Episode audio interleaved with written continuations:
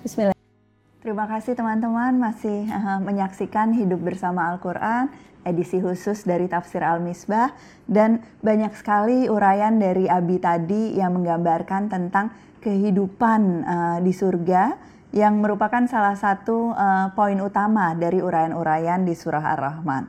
Nah, ada pertanyaan lanjutan. Pertanyaan lanjutan ini ditanyakan oleh Ibu Wike. Ibu Wike, uh, wah uh, agak jauh nih Bi, uh, lokasinya adanya di Jordan. Uh, terima kasih sudah ikut uh, menonton. Pertanyaannya tentang surga. Uh, apakah di surga nanti aktivitasnya selalu sama dan bisa merasakan bosan? Nah, mungkin nggak di surga uh, bosan? Uh, ini berkait dengan tadi yang kita bahas tentang wanita-wanita uh, yang ada di kemah. Saya ingin kasih kesempatan Ustadz Lutfi Bagus, alumni dari Bait Al-Quran Pusat Studi Al-Quran untuk uh, memberikan gambaran sesungguhnya apa sih kesibukan yang digambarkan oleh Al-Quran terhadap uh, penghuni-penghuni surga. Silahkan Ustaz. Assalamualaikum warahmatullahi wabarakatuh. Ada sebuah pertanyaan, apakah aktivitas yang dilakukan oleh penduduk surga selalu sama dan dapat menimbulkan rasa bosan? Nikmat yang dikaruniakan oleh Allah Subhanahu wa taala atau aktivitas yang dilakukan oleh ashabul jannah, penghuni-penghuni surga tidaklah sama. Beraneka ragam ayat Al-Qur'an menjelaskan bahwasanya aktivitas mereka tidaklah tunggal dan tidaklah sejenis. Sebut saja surat As-Saffat ayat 51 sampai 55 yang menjelaskan bahwasanya mereka dapat menengok neraka atau Ar-Ra'd ayat 23 sampai 24 yang menjelaskan bahwa mereka dapat bercengkrama dengan anak cucu mereka, dengan pasangan mereka dan dapat memberikan salam kepada mereka. Yang kedua, tentunya penghuni-penghuni surga itu tidak akan pernah merasakan bosan dan mereka menikmati keberadaan mereka di surga sebagaimana Al-Quran Surah Al-Kahfi ayat 108 dan Yasin ayat 55 menjelaskan keadaan mereka. Sekian, Assalamualaikum warahmatullahi wabarakatuh. Terima kasih uh, pertanyaan yang sudah diajukan dan jawaban yang uh, memberikan gambaran yang utuh uh, kepada kita semua. Terima kasih Ustadz. Uh, Ella ingin lanjutkan Bi ayat terakhirnya nih Bi. Ayat ke-78 dari uh, surah Ar-Rahman. Apa yang digambarkan oleh ayat ini? Iya, eh, sebelum kita ke sana eh, di sini ada lagi dikatakan lain yatmithunna insun qablahum wal jan tidak pernah disentuh. Oh, Oke, okay, so, okay. nah terus muttaqiina ala rafrafin khudran. Mereka itu bertelekan di atas atau eh, ya bertelekan eh, di rafraf itu eh, bantal. Oke. Okay. Khudran hijau, abqarian eh, sesuatu yang sangat istimewa indah. dan indah. Oke. Yang pertama kita ini tempat duduknya itu sangat mantap. Sehingga di tempat duduk itu ada sandaran yang dia bisa sandar. Ada tempat duduk tidak ada sandarannya.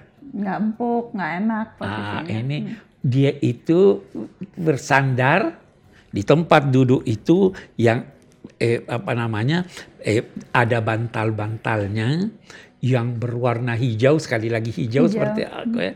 Abqariyin hisan abqari. Abqari itu pada mulanya dalam bahasa Arab diartikan sebagai tempatnya jin.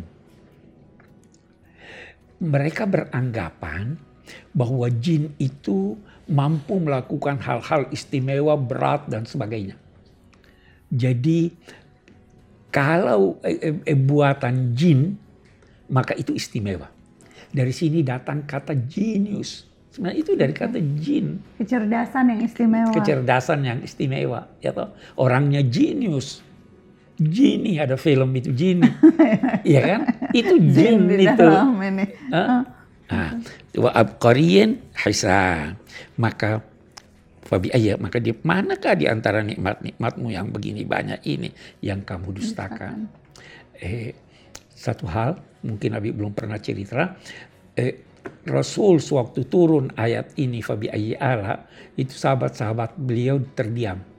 Oh, terus ditegur, ditegur oleh Nabi nah, Abi sampaikan uh, uh, harus ya, jawab. Harus jawab. Hidup bersama Al-Qur'an itu begitu. Betul, uh, betul. Jadi ada pertanyaannya dijawab. Nah, maka pada akhirnya ayat ini menutup dengan tabarakasmu rabbika dzil jalali wal ikram. Diulang uh, lagi nih, Bi. Jalali wal ikram. Jalali wal ikram. Ada di ayat sebelumnya. Uh, Oke, kita lihat sekarang tabarak. Apa arti tabarak? Baraka itu baraka artinya duduk mantap. Nah, eh, eh, berkelanjutan. Nah, satu. Barakah juga berarti diartikan dengan air. Barakah. Karena itu air dalam kolam dinamai birkah. Air itu salah satu lambang kebajikan. Air itu eh, eh, asal usul manusia dan dia sangat membutuhkan air. Nah, itu dari segi bahasa. Ketika kita berkata tabarakallah, maha kekal Allah atau maha banyak kebajikan Allah melimpah kebajikannya. Kita biasa berkata, mudah-mudahan Anda dapat berkat. Nah, mudah-mudahan memperoleh kebajikan yang melimpah. Eh, eh, kebajikan yang melimpah itu tidak harus diartikan bahwa banyak tetapi bermanfaat banyak. Sedikit tapi ada berkatnya, manfaatnya bisa jadi banyak. Tabarakas murabbik yang dinamak yang di yang di yang di eh, eh, kekal abadi banyak ke, kebajikannya. Ini disebut ismu rabbik nama Tuhan. Nama Tuhan.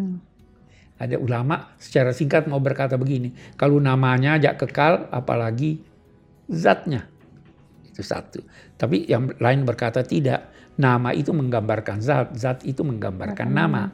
Nah, jadi apa maksudnya di sini? Dia katakan karena ada ayat-ayat, ada ungkapan-ungkapan yang tidak pakai eh, kata isim. isim. Sekedar tabarakallah. Tabarakalladzi biyadihil mulk. Kenapa pakai isim?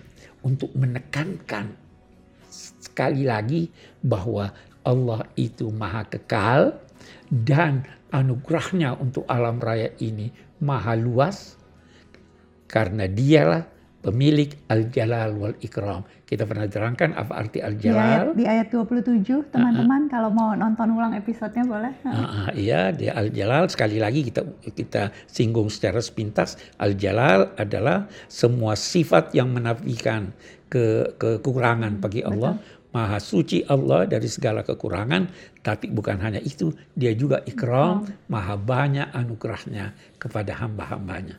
Itu akhir surah Ar-Rahman. Itu akhir surah Ar-Rahman uh, menyatakan bahwa Ar-Rahman itu sesungguhnya nama yang sangat agung ya Bia. Ya? Nama, nama yang sangat agung, sumber segala macam anugerah yang yeah. juga digambarkan di surah ini. Kita lihat uh, anugerah duniawi, anugerah uhrawi, dan rahmatnya yang Ella uh, lihat juga menarik dari surat, rahmatnya itu kepada semua makhluk. Kepada semua makhluk. Digambarkan, digambarkan manusia, mukmin, uh, jin, seluruh alam raya mendapatkan rahmat, Allah, Allah ini. Terima kasih Abi. Insya Allah uh, sesudah ini surah Ar-Rahman yang uh, sering kita baca sehari-hari, ayat yang uh, sering kita dengarkan dan uh, mungkin hanya sebatas membaca, belum paham artinya, belum betul-betul uh, utuh prakteknya, itu semua mulai hari ini bisa mulai kita terapkan dalam kehidupan sehari-hari. Dia adalah Ar-Rahman, Maha benar Allah dalam segala firman-Nya. Assalamualaikum warahmatullahi wabarakatuh.